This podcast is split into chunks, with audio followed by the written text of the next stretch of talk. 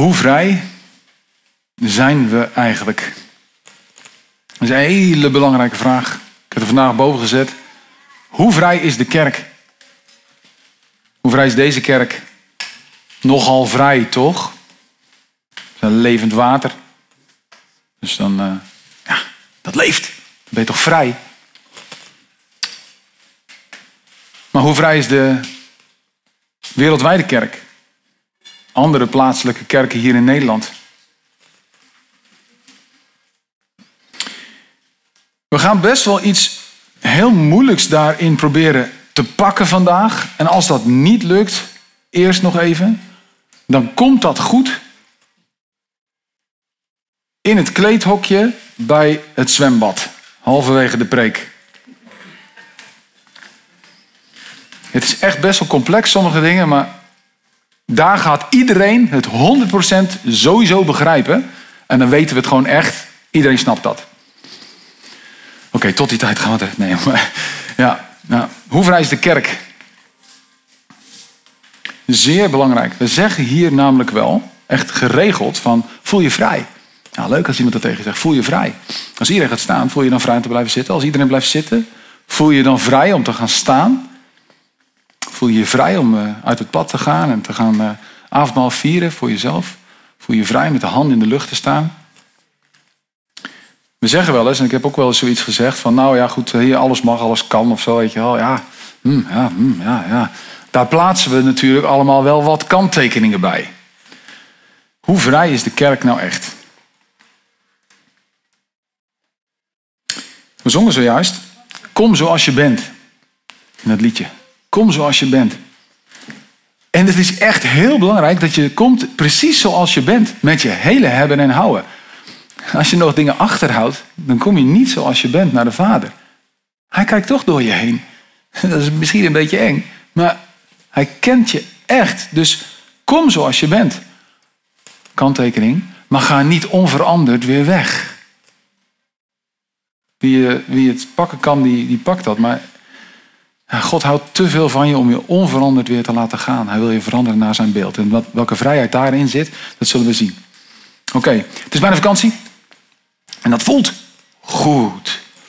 Namelijk vakantie. Komt voor het Latijns, van het Latijnse woord vacare. En dat betekent ja, niets of leegte of even niks. Heerlijk. Ja, sommige mensen die werken natuurlijk gewoon de hele zomervakantie door. Ja, zo is dat. Nou, ik niet. Ik zit in het onderwijs. Dus wij hebben lekker lang vakantie. En uh, ja, dat voelt goed. Ik heb een, uh, een bal meegenomen. Ja, ik heb niet meegenomen, ik heb een plaatje meegenomen. Voor degene die dit later uh, terugkijken via de. Sorry, terugluisteren via de podcast. Het is niet goed te zien voor jullie. Het is op dit moment nog nacht op de beamer. Maar weldra zal op het strand de zon opgaan. Het levende water gaat heen en weer. Ja, ik moet nog even wachten tot het plaatje daadwerkelijk komt. En daar zien we een bal. Wat voor bal is dit? Wie weet dit? Roep maar. Een volleybal. Dat weten wij door twee dingen. Eén, het ziet eruit als een volleybal. Ja, als je, als je een beetje van volleybal houdt, dan weet je dit. Dit is een volleybal. Het tweede is, dat zie je aan het merk.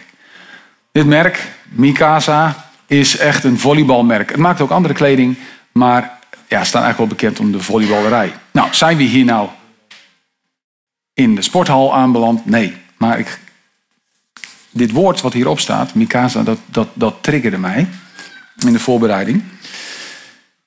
Namelijk, Mikasa betekent eigenlijk, is gewoon een meisjesnaam in het Japans. Het is gewoon een meisjesnaam. Zou ook uh, Juliette kunnen heten, dat is weer een Franse meisjesnaam. Weet je wel? Dit, dit is dus gewoon een meisjesnaam in het, in het, in het Japans. Het is een Japans merk.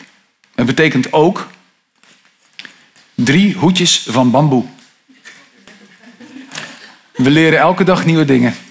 Ja, drie hoedjes van bamboe.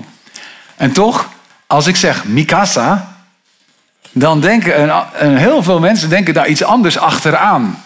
Je schrijft het dan net iets anders. Maar Mikasa is Sukasa. En sommigen denken, mag er alsjeblieft een vertolking bij? Want wat betekent nou Mikasa is Sukasa? Bij mijn weten is dat Spaans. Ik kijk even naar de Spaanse hoek, hier en daar, ja, ja. En dat betekent zoiets als Altijd opletten als het niet je eigen taal is. Mikasa, mijn huis. Esukasa is jouw huis. Oké, Mikasa Esukasa. Mijn huis is jouw huis. Wanneer wordt dit nou gebruikt? Nou, bijvoorbeeld, je krijgt gasten over de vloer. Zou zomaar kunnen gebeuren, misschien wel vandaag. En ehm, je doet een eerste ronde koffie en op een gegeven moment zeg je, ja, nog meer dorst. En die lopen zo naar de kraan en zeggen, kan ik nog even wat, eh, wat water pakken? En dan zeg je, Mikasa is Sukasa. Mijn huis is jouw huis. Voel je vrij. Dus eigenlijk, hè, dus gastvrijheid. Klopt het tot, tot nu toe? Spaans ongeveer, oké, we krijgen een duimpje en een, en een meewarige blik. Oké, oké, laten we even staan. Laten we even staan, maar zo ken ik het.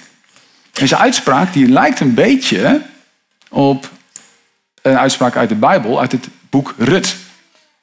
Misschien hoorde je het net al een beetje erin. Mijn huis is jouw huis. Maar dan is het net een beetje andersom. We kennen het verhaal van Rut en Naomi misschien wel. We gaan het nu niet eh, helemaal uh, uitpluizen. Maar, even in het kort, er was hongersnood. Rut vertrekt uh, met haar man naar een ander land, Moab. Daar krijgen ze, of ze krijgen kinderen en die, de, de zoons komen. Sorry, Naomi. Wie zei ik? Rut, ja. En die zoons die krijgen dus twee vrouwen, Rut en Orpa. Op een gegeven moment horen ze weer dat er weer brood is in Bethlehem. Wat logisch is, want Bethlehem betekent huis van brood. En uiteindelijk zeggen ze, oké, we gaan weer terug. Maar die, uh, die vrouwen die zijn inmiddels uh, met z'n drieën, de mannen zijn overleden. En dan wordt Orpa, die, die mag dan teruggaan. Die is dan vrij om te kiezen om terug te gaan. Rut is ook vrij om te kiezen om terug te gaan. Maar die zegt, nee, ik blijf bij jou. Want jouw volk is mijn volk. En jouw God is mijn God. Er is nogal een uitspraak. En zij blijft eigenlijk trouw aan de relatie die ze heeft met Naomi. Oké. Jouw thuis, jouw huis, wordt mijn thuis. Ik moet me daar dus ook nog thuis gaan voelen. Bij jou voel ik me wel thuis, maar hoe is dat in dat andere land? Want ik ben een Moabitische. Ja. Nou, terug naar die volleybal. Dit is geschreven met een K. Daarom is het Mikasa, drie uh, hoedjes van bamboe. Het is zeker niet voel je vrij. Want als ik in de gymzaal ben en dagelijks ben ik gymdocent. Als ik dan in mijn zaal één zo'n volleybal neerleg. En ik laat de kleedkamers open. Ik loop weg uit de zaal. En ik kom terug. Dan weet ik dat er één ding niet gebeurt. En dat is dat die leerlingen van mij aan het volleyballen zijn. Zij doen namelijk iets anders met die bal. En dat is er heel hard tegenaan trappen. Want er is qua lellen, dus dat is heel hard tegen een bal aan trappen, eigenlijk niks lekkerder dan met een volleybal keihard te schieten. Waarom zeg ik dit? Nou, die bal die is daar niet voor gemaakt. Je voelt hem al een beetje aankomen. Uh, ja, die naden van zo'n bal, die, die, die, die springen dan. Als ze kaart tegen de muur aankomen of uh, met de punt van de voet of iets dergelijks. Of ze komen ergens tegen een of andere wandtrek aan. En dat zie je ook altijd wel, die ballen die, die, die kapot gegaan zijn, daar is gewoon mee gevoetbald. Het voelt wel ontzettend fijn. En ze zijn echt geweldig goed om heel hard mee te schieten. En zeker ook op elkaar. Maar ze zijn er niet voor gemaakt. En uiteindelijk is die bal lek en je kunt er niet meer mee doen waarvoor het bedoeld is. Nou, dat is eigenlijk gewoon een levensles. Doe normaal. En dan kunnen we amen zeggen en dan kunnen we weer verder met de, deze dienst. Maar wij zijn hier geen volleybalvereniging. Een volleybalvereniging, die komen bij elkaar rond de sport volleybal. En de volleyballers, dat is een community. En dat is tijdelijk, dat is gewoon, ja, leuk. Wij centreren ons rond zo'n bal. Maar wij zijn hier een kerk. En wij hebben niet een vereniging, maar wij hebben een verbond. Wij komen hier, als het goed is, uit vrije wil naar de kerk. Maar we zijn wel verbonden met elkaar. Verbonden met God en daarmee ook met elkaar als broers en zussen. Dat is een wezenlijk verschil. Je kunt dus ook niet zeggen van, oh wat doe je op zondagochtend? Oh, ik, uh, ik ga naar de tennisvereniging. oh, oké, leuk. Ja, en jij? Ja, ik, ik ga naar de kerk. Oh, hebben we allebei een beetje hetzelfde. Het is echt, echt, echt wezenlijk, wezenlijk verschillend. Het is zeker community allebei. Maar het is, het is natuurlijk niet te vergelijken met elkaar. Oké, hij mag weer uh, van het uh, scherm af weer terug naar levend water in de nacht. Ja. De podcastluisteraars die snappen helemaal niet wat dat is natuurlijk. Normaal is echt heel complex. Als we nu hier rond zouden kijken, doe het nu maar even niet. Dat hebben we zojuist al tijdens het eerste lied gedaan. Maar ja, wat is nou normaal? En toch is het heel belangrijk om daarover na te denken. Want we gaan van heel veel dingen uit. Door normaal. En als je dus maar normaal doet, ja, dan ben je vrij om te doen wat je wil. Ja. Je voelt al een beetje. Het zit een beetje gek. Denk maar eens in. Je bent aan het evangeliseren. Uh, je komt er iemand tegen, je hebt een goed gesprek over het geloof. Je denkt, nou, daar zit wel wat. Je nodigt die persoon uit naar de dienst. Die kent God al wel. Misschien van vroeger nog wel. die zit zo naast je. Die kent helemaal niks van deze gemeente. Hè? aanbiddingsdienst begint en iedereen gaat staan. Dan gaan de handen in de lucht. Mensen die doen de ogen dicht. Sommigen raken geëmotioneerd. Er gebeurt nog veel meer. En die persoon die uh, kijkt jou zo aan. Die denkt, nou... Jouw God is mijn God. Maar jouw volk is niet mijn volk. Misschien herken je dat wel. Misschien heb je dat zelf ook wel eens zo ervaren. Ik in ieder geval wel, ook in deze gemeente.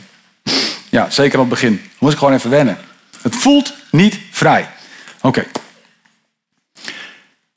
Ik wil met jullie uh, nu de Bijbel openen. We gaan uh, zometeen naar uh, Galaten. En ehm, daar wil ik wat over zeggen. We gaan twee dingen, die gaan we vandaag zien. Die gaan over vrijheid. En die gaan we snappen. Eén is dat het uiterlijk van Jezus wordt jouw uiterlijk. En het tweede, het innerlijk van Jezus wordt jouw innerlijk. En dat is genoeg voor vandaag. Normaal heb je drie punten. Ik heb er vandaag twee. Zullen we naar Galaten, derde hoofdstuk gaan, bekende tekst. Die gaan we ook wat langzamer doorheen. Galaten 3, vers 24 tot 28. Um, ehm, in de gemeente in Galatië, nou dat is ergens in het uh, nou, Midden-Oosten, daar bij Turkije zeg maar. Zat ze met een probleem. Ze waren tot geloof gekomen. Paulus die is daar geweest. Volgens mij Paulus. Hij schrijft een brief van jongens, het gaat eigenlijk echt helemaal fout. Want jullie vervallen weer in je oude geloof. Jullie zijn eigenlijk ergens vrij van. En toch gedragen jullie als niet vrij. Laten we dat stukje lezen. Galaten 3, vers 24 tot 28. Nou, weet je wat? Doe vanaf 23. Voordat dit geloof kwam, dus dat is dat nieuwe, hè? Het, het, het, nieuwe geloof van, van het christendom ten opzichte ook van het, het jodendom waar het uitkwam. Voordat dit nieuwe geloof kwam, werden we door de wet bewaakt. We leefden in gevangenschap. Daar heb je het woord gevangenschap. Dat is niet vrij. De wet maakt niet vrij. Leefden we in gevangenschap tot het geloof geopenbaard zou worden. Kortom, dat is mooi hè? Als Paulus zegt kortom. Paulus is nog eens lang van stof. Kortom, de wet hield ons onder toezicht totdat Christus kwam, opdat we rechtvaardig verklaard zouden worden op grond van het geloof. Dat is wat wij hier samen hebben. Het, hetzelfde geloof in Jezus. Maar nu het geloof gekomen is, staan we niet langer onder toezicht. Want door dit geloof bent u allen kinderen van God. Werd net ook al genoemd. Kinderen van God. In Christus Jezus. U allen die door de doop één met Christus bent geworden. Super belangrijk vanochtend om dat te pakken. Eén met Christus bent geworden. Hebt u met Christus omkleed. Er zijn dan geen Joden of Grieken meer, slaven of vrije, mannen of vrouwen. U bent alle één in Christus Jezus. Dus wat betekent dat nou? Het is echt heel moeilijk hè? om in Christus te zijn. Dat klinkt zo theoretisch. Dat betekent dat je bekleed bent met Jezus. Nogmaals, die gast die meekomt. je zegt, zegt van, oh ja, ja God, ja, oké. Okay, dan, uh, dan mee naar de kerk. Ja, dan hoor je dit zo een keer. Oké, dus je moet Jezus aandoen. Hoe dan? En dat geeft dan vrijheid. Hoe dan? Nou, het werkt als volgt. Probeer het zo, ja, zo makkelijk mogelijk te vertalen zoals, het ook, zoals ik het ook begrepen heb. Kijk, waar je je mee kleedt, is waar jij je mee profileert. Nu heb ik redelijk normale kleren aan, maar in het dagelijks leven heb ik een trainingspak aan. Als ik een heel net een trouwpak aandoe, dan ga ik mij anders gedragen. Andersom ook, als ik een trainingspak aandoe, dan lig ik op de bank, oh, lekker te zaterdaggen. Of uh, ben aan het sporten. ik durf zo in een boom te klimmen. En als ik een pak aan heb, gewoon netjes, stopdas hoog. Dus dan kun je ook niet hard gaan zweten en zo. Dan ga je maar netjes eten. Je let veel meer op kruimels en zo. Je gaat je door je kleding sowieso anders gedragen. We weten dit. Je kent sommige mensen gewoon aan hun kleding. Dan profileren ze zich mee. Als je op straat een, een, een iemand uit de thuiszorg ziet lopen, dan zie je, hey, dat is eentje uit de thuiszorg. Die, dat is, die kleedt zich als een thuiszorger iemand. Uniform. Uh, een bouwvakker, die herken je misschien ook wel zo. De wiskundedocent, die haal je er zo uit. Ja? Niet altijd, maar in principe profileren wij ons met hoe we aan de buitenkant ons kleden. Er valt van alles van te zeggen. En we moeten ook niet elkaar uh, veroordelen en zo. Maar het idee is dat wij ons dus met Christus bekleden. En dat betekent dat als wij bij Jezus horen, dat betekent dat we aan de buitenkant op hem gaan lijken. En het mooie is, dit is echt het evangelie, als jij in Jezus bent, wat dat ook mogen betekenen, dan ga jij doen wat Jezus deed. En het mooie is, dan ga je van de binnenkant uit naar de buitenkant toe veranderen. Nee, eigenlijk vanaf de buitenkant dus naar de binnenkant. Jouw binnenste wordt anders. Ja. Dus je gaat je anders gedragen. Ga de dingen doen die Jezus deed. Vroeger hadden ze van die bandjes. Hè? Misschien is er nog iemand die zo'n ding heeft, zo'n WWJD-bandje. Waar ooit, ja, what would Jesus do? Nou, dan ga je dat doen en dan merk je, hey, dit is wel echt anders.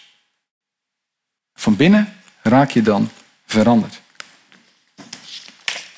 Probeer het maar eens. Gewoon deze week trek eens een trainingspak aan. En kijk maar eens of dat je je anders gaat gedragen. Maar leg dan de geestelijke les daarbij als je dus ook aan de buitenkant, vanaf de buitenkant gewoon denkt van oké, hoe deed Jezus dat? Ik ga dat doen. Dan word je van binnenuit veranderd. Met die nieuwe kleding wil je gewoon, met Jezus om je heen, wil je gewoon bepaalde dingen niet meer. En de grap is, het is dus niet een opgelegde wil. Het is jouw keuze, jouw vrije wil om Jezus te volgen. En daardoor ga jij zelf andere dingen willen. En andere dingen dus ook niet meer willen, die niet bij Jezus passen. Dus van buiten naar binnen toe worden we veranderd. En die vrije wil is dus echt vrijheid. In Galaten hadden ze daar probleem mee, want hadden ze eigenlijk een harde wet voor een stenen hart. De hart werd niet veranderd. Dat was gewoon afgebakend, kei en keihard. En die harten werden daar echt niet zacht van. En in het geloof, dat is, dat is een wandel. Dat is, dat is iemand volgen. Dat is vertrouwen. Dat zit in het hart. Het is dus een nieuwe wil voor een levend gemaakt hart. En het is maar goed dat er grenzen zijn. Nu komen in het zwembad. We gaan het allemaal snappen. Stel, je gaat naar een zwembad toe. En je hebt je badkleding nog niet aan. Dan heb je zo'n kleedhokje. Wat de wereld denkt aan vrijheid is geen grenzen. Ik wil niks opgelegd krijgen. Ik ben baas en ik wil niet dat iemand mij inkadert. Maar hoe vrij ben je werkelijk om je om te kleden als je in dat hokje stapt en zegt van, oh ja, ik ben vrij. Ik laat die deur gaan openstaan. Nou, ik durf voor 99% zeker te weten dat de meeste van jullie zich vrijer voelen om zich om te kleden van gewone kleding of trainingspak in, een, uh, in badkleding in een hokje waar de deuren dicht zitten dan waar ze openstaan. Dit is het omgekeerde denken van het koninkrijk van God. In de liefde kennen we dit ook. Dat is namelijk geborgenheid. In een, in een echte liefdesrelatie is ook afbakening. En daarbinnen is echte vrijheid. Die wordt bewaakt door die grenzen. Zo is het ook in de gemeente. Zo is het ook in de wereldwijde kerk. We moeten wel Jezus volgen. En dan ervaren we echte vrijheid. Als we onszelf volgen, dan lijkt, vrijheid, lijkt dat vrijheid, maar dat is het dus niet. Het is je omkleden terwijl je heet het denkt, kijkt er iemand naar mij? Je mist die veiligheid. Oké, van buiten veranderen we naar binnen toe. Uw uiterlijk wordt mijn uiterlijk. Dan gaan we naar de tweede. Uw innerlijk wordt mijn innerlijk. Door in Jezus te zijn verander je dus van buiten naar binnen toe. Doordat Jezus in je is, ga je van binnenuit ook naar buiten toe veranderen. We gaan naar Johannes 15. Echt een kernachtige tekst op dit gebied. Johannes 15. In Johannes 15 vertelt Jezus over wie hij is, hoe het zit met de Vader. Dat willen we toch weten? Het is toch te gek dat wij dit kunnen nalezen nog, na 2000 jaar. Alsof Jezus hier zelf staat en vertelt, weet je hoe het zit? En dan zegt hij, Johannes 15, vers 1, ik ben de ware wijnstok en mijn vader is de wijnbouwer. Snap je dit? Dat is wat ik ook zei over die instrumenten. Hij is de muzikant. Hij is in control. Ik ben de ware wijnstok, zegt Jezus over zichzelf, en de Vader is de wijnbouwer. Iedere rank aan mij die geen vrucht draagt, die snijdt hij weg. En iedere rank die wel vrucht draagt, die snoeit hij bij, opdat hij meer vruchten voortbrengt. Jullie zijn al rein door alles wat ik tegen jullie gezegd heb. Dit is ook zo in de kerk. Hè? Wij weten al zoveel. Er is al zoveel tegen ons gezegd. Dan zegt Jezus, blijf in mij. Dus niet alleen aanhoren en daarna weg laten lopen. Nee, blijf in mij. Dan blijf ik in jullie. Daar zien we het weer. Een rank die niet aan de wijnstok blijft, kan uit zichzelf geen vrucht dragen. Wijnstok, ranken, afgeknipt, het ligt op de grond, die gaat geen vrucht meer dragen. Blijf in mij. Je kunt uit jezelf geen vrucht dragen. Zo kunnen jullie geen vrucht dragen als jullie niet in mij blijven.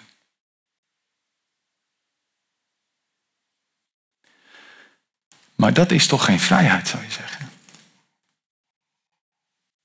Hoe zit dat nou met verbondenheid en vrijheid? Nou, wij hechten in, het, in deze gemeente, maar eh, in het christendom en in navolging van wat God erover zegt, nogal een grote waarde aan het huwelijk.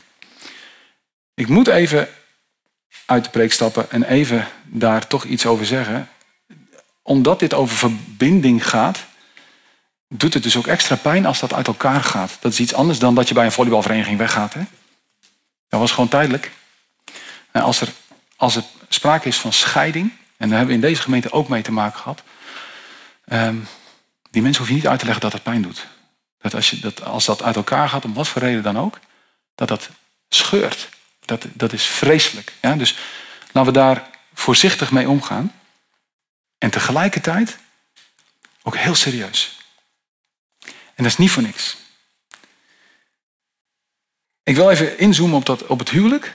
Gewoon als voorbeeld van vrijheid door gebonden te zijn. Als we dat kunnen vatten vanochtend.